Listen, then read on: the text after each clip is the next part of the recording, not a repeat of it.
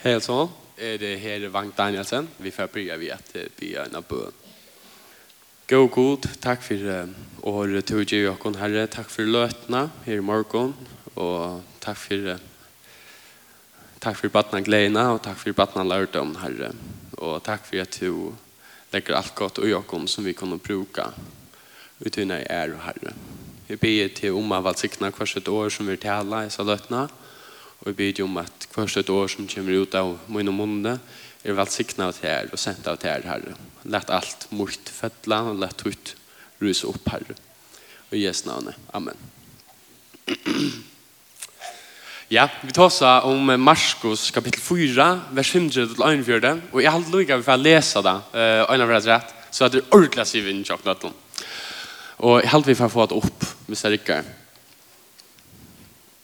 Ja. Ja. Og samme dagen, da jeg kvølte var kommet, sier han vi høyr, let i okkom færgrom, så låt ut tar følt seg færa, og tog han vi, som færen satt i baten. Øysene er i batar fyltest vi honom. Da han kom, da kom her stormer, og sjekkvanner brot inn i baten, så han var om er fyllast. Men sjálfur la han og svev i bergstjordnån av kotta, tar vakt og han og ta og søtte vi han. Morsdare legg du ikke ui at vi genga borstu. Ta røstest han og høyt jeg vinden og sier vi vattnet ti vir stilt. Og vinteren da borstur og blika lagt vær.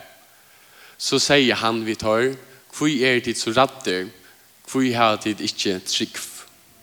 Tar øtta og størlja og søtt hver vi annan, hvor er to hesen at bæge vinter og vatten er hånden, lojen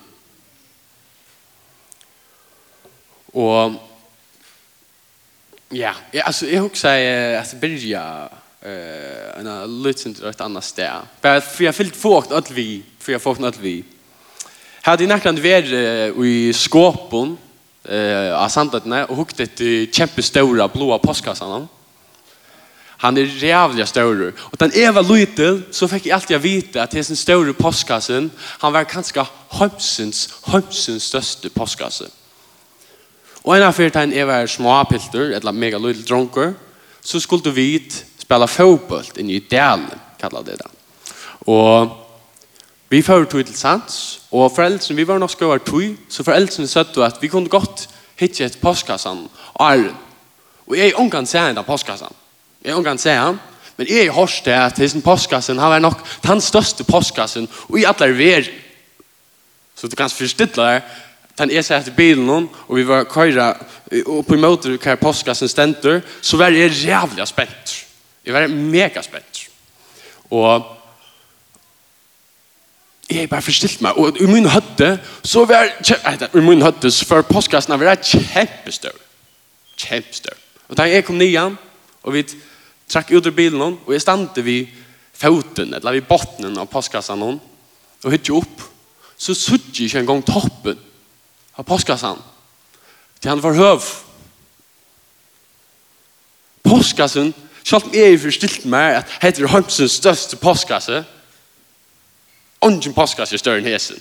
Så har Luka alt henne stå her under påskassan og hukte opp. Så er jeg Luka alt nok kløkker at en postkasse kunne være så stor som hesen var.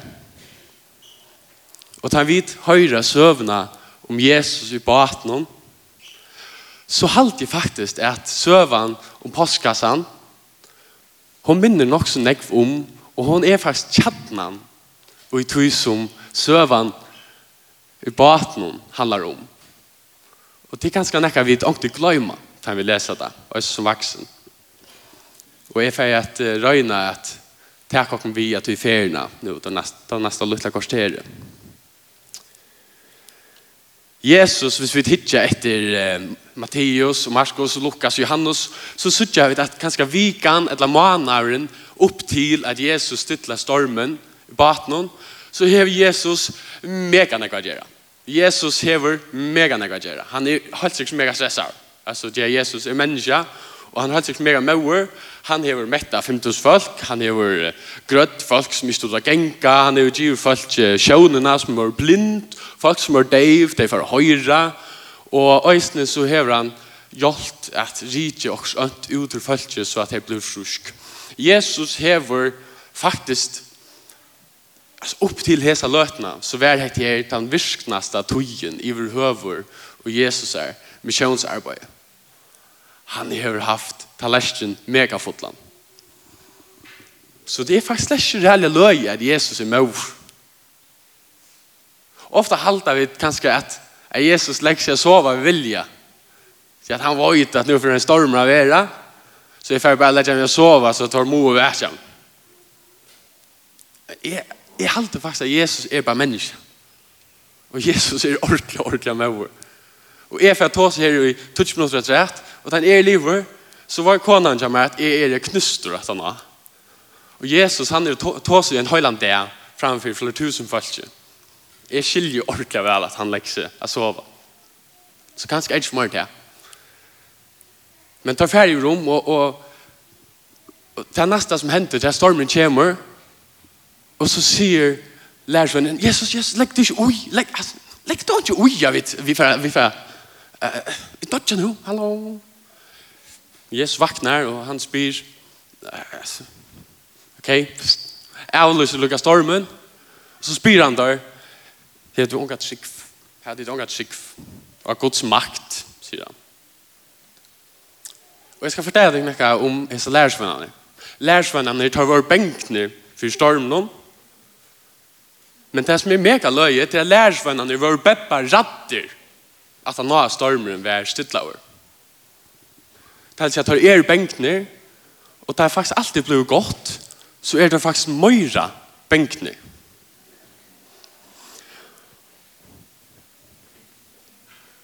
Og for å skilje hettar, så må vi skilje hver lærersvennene er. Lærersvennene tar våre gjøter. Det var Jesus øsne. Og for jeg skilja hvor jeg tar reagera så sånn her, så må jeg da skilja hva det innebærer hvordan en jøte sa opp av Jesus. Lærersvannene tar å se Jesus grøtt, og tar å se Jesus gjørst under nå i nekra viker, så jeg tykker ikke at lærersvannene ikke visste at Jesus var Messias. Jeg tykker at lærersvannene visste at Jesus var Messias. Og jeg tykker at de visste at Jesus var Jesus. Men jeg tror ikke jeg lærte for han visste at Jesus var god. Han var god soner ut av egen. Og god virka i jøkken han ankursvekna. I gamla testamentet så leser vi om og i uh, fyrst i salme fyrst i salme 184, vers 8 um, jeg vet ikke om du finner det fram ja eldur og heklingur, kævi og røyker, stormur som setter år hans her i versk. Og hvis vi bøyder en sindre om på årene, eh, så har vi skilja kanskje en sindre beter, at vi en sindre gammal først, så faktisk stender her eldur og heklingur, kævi og røyker, år hans setter stormar i versk. Så kanskje vi skilja at en løyt sindre beter. Etla at Stormar, i verst, stormar og, og vinter og hekling, heklingur og eldur er i hansara makt. God hever rei av naturene. Og om vi leser Jobb, um, Jobb han heter ikke godt, og Jobb skjelter er sin god, og hvem mennesker Jobb skjelter god, og så får i endan av Jobb, så, så skjelter god faktisk Jobb en sin atter. Og ta sier god med en annen vi Jobb, kan rødt tuin noa opp til skuttene, så vattenflåene er akta til jobb. Så er sånn sjå og gjøter oppa god.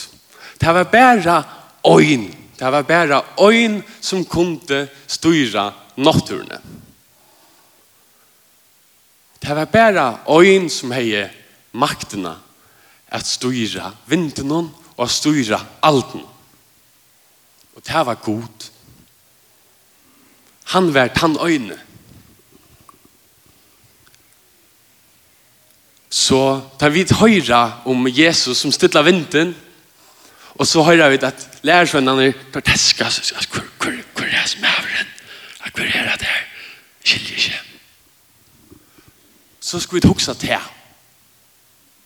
Til at knapplega så er det avduka, Knapplega er det åpenbæra for lærersvennene at her i baten til okken, så sender ikke bare Jesus, jeg sender ikke bare Messias, her i baten til okken, bare til synere av okken, stender god.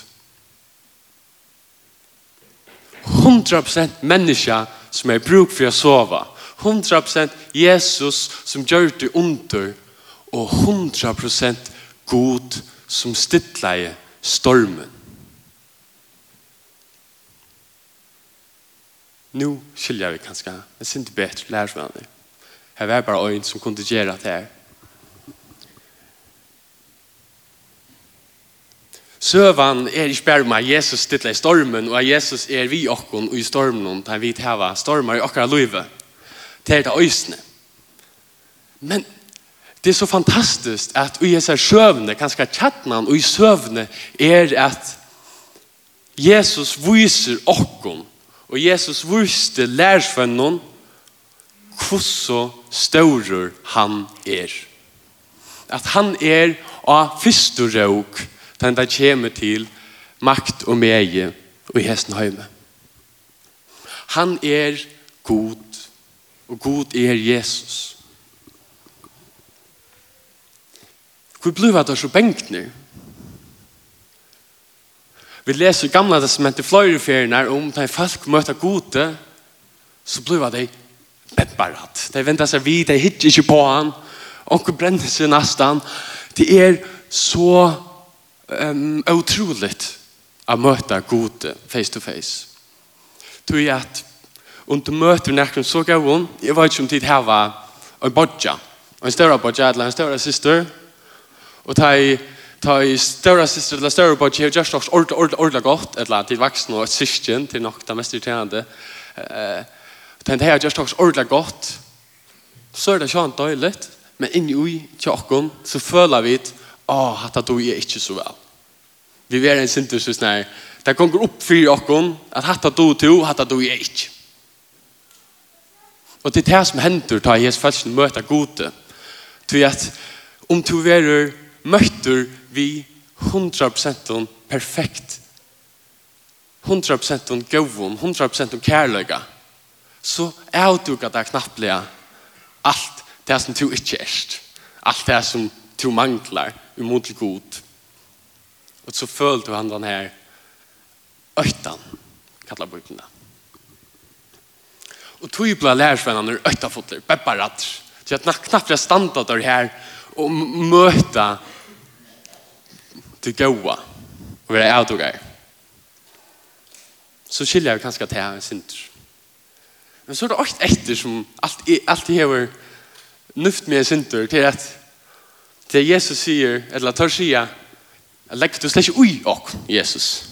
Ah, kom on. Nu har det fyllt vi Jesus nok lenge til vi ikke han legger han ut dør. Men tar det så bengt ned at tar føler ikke til det. Og Ta Jesus sier, trykva tid ikkje av Guds makt. Hvor er det bengt det? Ta snakkar Jesus aller helst ikkje om stormen eller vinden, men Jesus snakkar nok om mangelen utar at trygg og hvordan større Jesus er. Tør at du enn ikke ser at Jesus var god, og at Jesus var øyn, øyn og øyn i skaparen. Det er her at tryggvind til tøymon hei en mangel. Og at rett vi så så høtte det ikke den økten som man skal heve til man møtes vi gode. Til at det skjøtt vi Jesus legger to i vår høver ui okken. Høttet vi at det var god så det er ikke sagt at her. Gode skaparen, gode kærløyge, gode fullkommen, sjálvande legger han ut til. Og om du setter spurnartekjen vi til, ja, så setter du spurnartekjen vi god. Og det for nok ikke løse seg. Setter spurnartekjen vi gods linte, så, og gods samløyga, så fast du troplegger. Och det här är att jag följer att det här är tvär chattner helt centrala det er den förra att jeg vil söka Jesus är god och så er det att han sättna som är at Guds øtten eller att det er att vara hava viring för gode och att elska han och att lägga okkon i hans identitet eller samløyga. Til här att vi människor finna okkon själva og til här at vi finna frälsna och vi finna god Hva er så til at ståle på god og god søtta for jeg enda vi? Og jeg halte til beste prekk for, eller det beste eksemplaret vi har i Bibelen til stendet i Daniels bok, kapittel 3, vers 16 og 18. Det kommer øyne opp her. God okkara som vi dyrska er mentor av bjerg okkom. Jeg får lukka minne av Arne Lesvujere. Heit er ta i um, der trutjer Sadrak, Mesak og Abednego um, at konkurren var vi etta, inte konkurren han var vi at bläka tar i elden til at tar vill du tillbe god och tar vill du inte tillbe tar godaner som konkurren att lägga att faktiskt skulle bya till och at konkurren att at att skulle bya till han där sätter no go. Så kan vi läsa hvor jeg er. det han säger är blessing inn där så svär där att God okkara er, nei, god okkara som vi dyrka er mentur av bjerg okkon ur hinnom brennande eldsåne. Og av håndtøyne skal han frelsa kongren. Og så kommer det, fylgje vel vi, til hette her, hette Guds viring og Guds økte, og at skilja samlaga Guds, og at elska han. Tar skia, men om så er at han ikkje kjerta, det, Og selv man ikke bjerger oss, selv om vi enda vi at ja, jeg får bort så skal du vita, kongren, at vi dyrker ikke goda tøyner og tilbyr og helter godmyndene og du hever lette røysa. Selv om god ikke gjør det.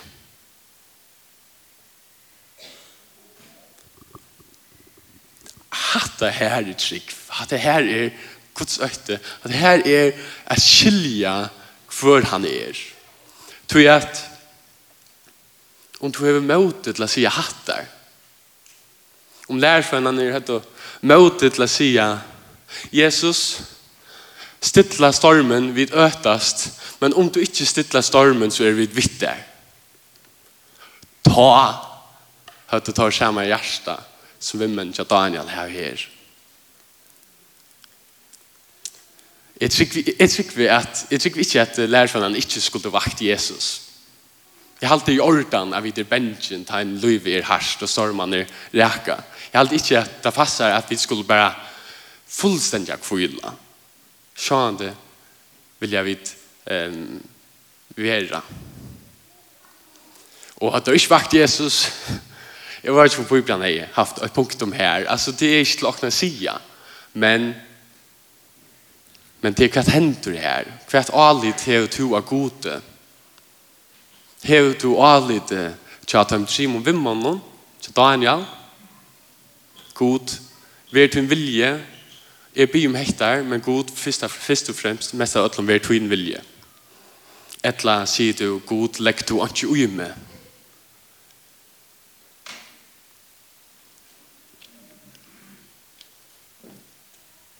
Jeg har enda vi at spyrja om, om du skiler eh, Guds samlaga, eller Guds karakter. Skiler du at han elskar det, og eisen tar det, og tar først. Skiler du at han er vitt der, eisen tar en stormann er ikke vera stidleier. Han er ikke lova der et perfekt liv, han er ikke lova okkur penger, ikke lova okkur glede, han er ikke lova okkur tinsi, han er lova okkur fri, han er lova okkur sin kærlega, og han er lova okkur av et liv. Men han har øyne lova at det er nok. Han har øyne lova at det er sin kærløgjen, det er sin frieren, at han er nok. til alt anna er tar først. Og vi gjerne vil jeg også legge den ekko i. Da Jesus liker her svever i bakskudden, så ligger han svever her som god, Han ligger her svever som den ultimative kærløgjen som elskar til i alt i verden. Kile til at han ligger her i tunn løve. Kile til at han er her i tunn løve. Her er sannløgjen, her er frier.